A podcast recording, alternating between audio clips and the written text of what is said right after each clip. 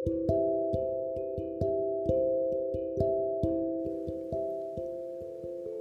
kerasa ya, udah di penghujung tahun.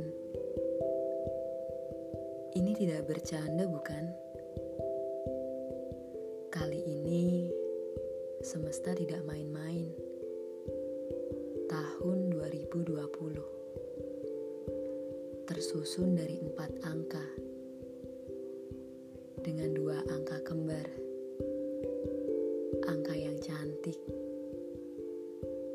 namun, bagaimana dengan kisah yang ada di dalamnya?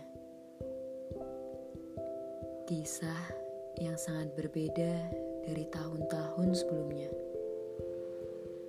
Saya yakin di balik semua ini pasti ada hikmah tentunya. Kamu yang biasanya tidak peduli menjadi sedikit peduli yang biasanya tidak berkabar menjadi berkabar, dan yang biasanya tidak rindu menjadi cepat rindu. Saya harap kamu masih baik-baik aja di sana, bertahan dan melupakan. Begitulah kondisi saat ini. Berbeda memang tapi perasaan ini masih sama. Saat ini, keadaan memaksa kita untuk beradaptasi dengan kebiasaan baru. Mencuci tangan, memakai masker, dan menjaga jarak. Iya, menjaga jarak. Kalau dekat, takut sayang udah telanjur sih. Tapi ya mau gimana lagi? Kalau kamunya enggak bener-bener gak kerasa banget sih. Udah berapa bulan kita jadi beban di rumah. Banyak sekali keinginan yang belum tercapai di tahun ini. Banyak sih. Mau gimana lagi?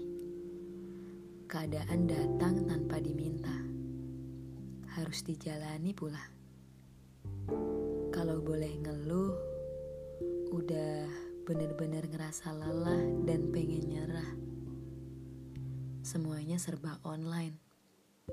Sekolah online, kuliah online, tugas online, rapat online, dan lihat kamu online, tapi chat saya nggak dibales-bales. Huh, tapi tidak semuanya bisa online. Rinduku contohnya. Baiklah, saat ini kita benar-benar sampai di penghujung tahun. Terima kasih 2020 untuk berbagi kisah, kasih, keluh kesah, dan segala hal yang telah mewarnai pun untuk kamu. Terima kasih telah hadir. Menuliskan sebuah kisah.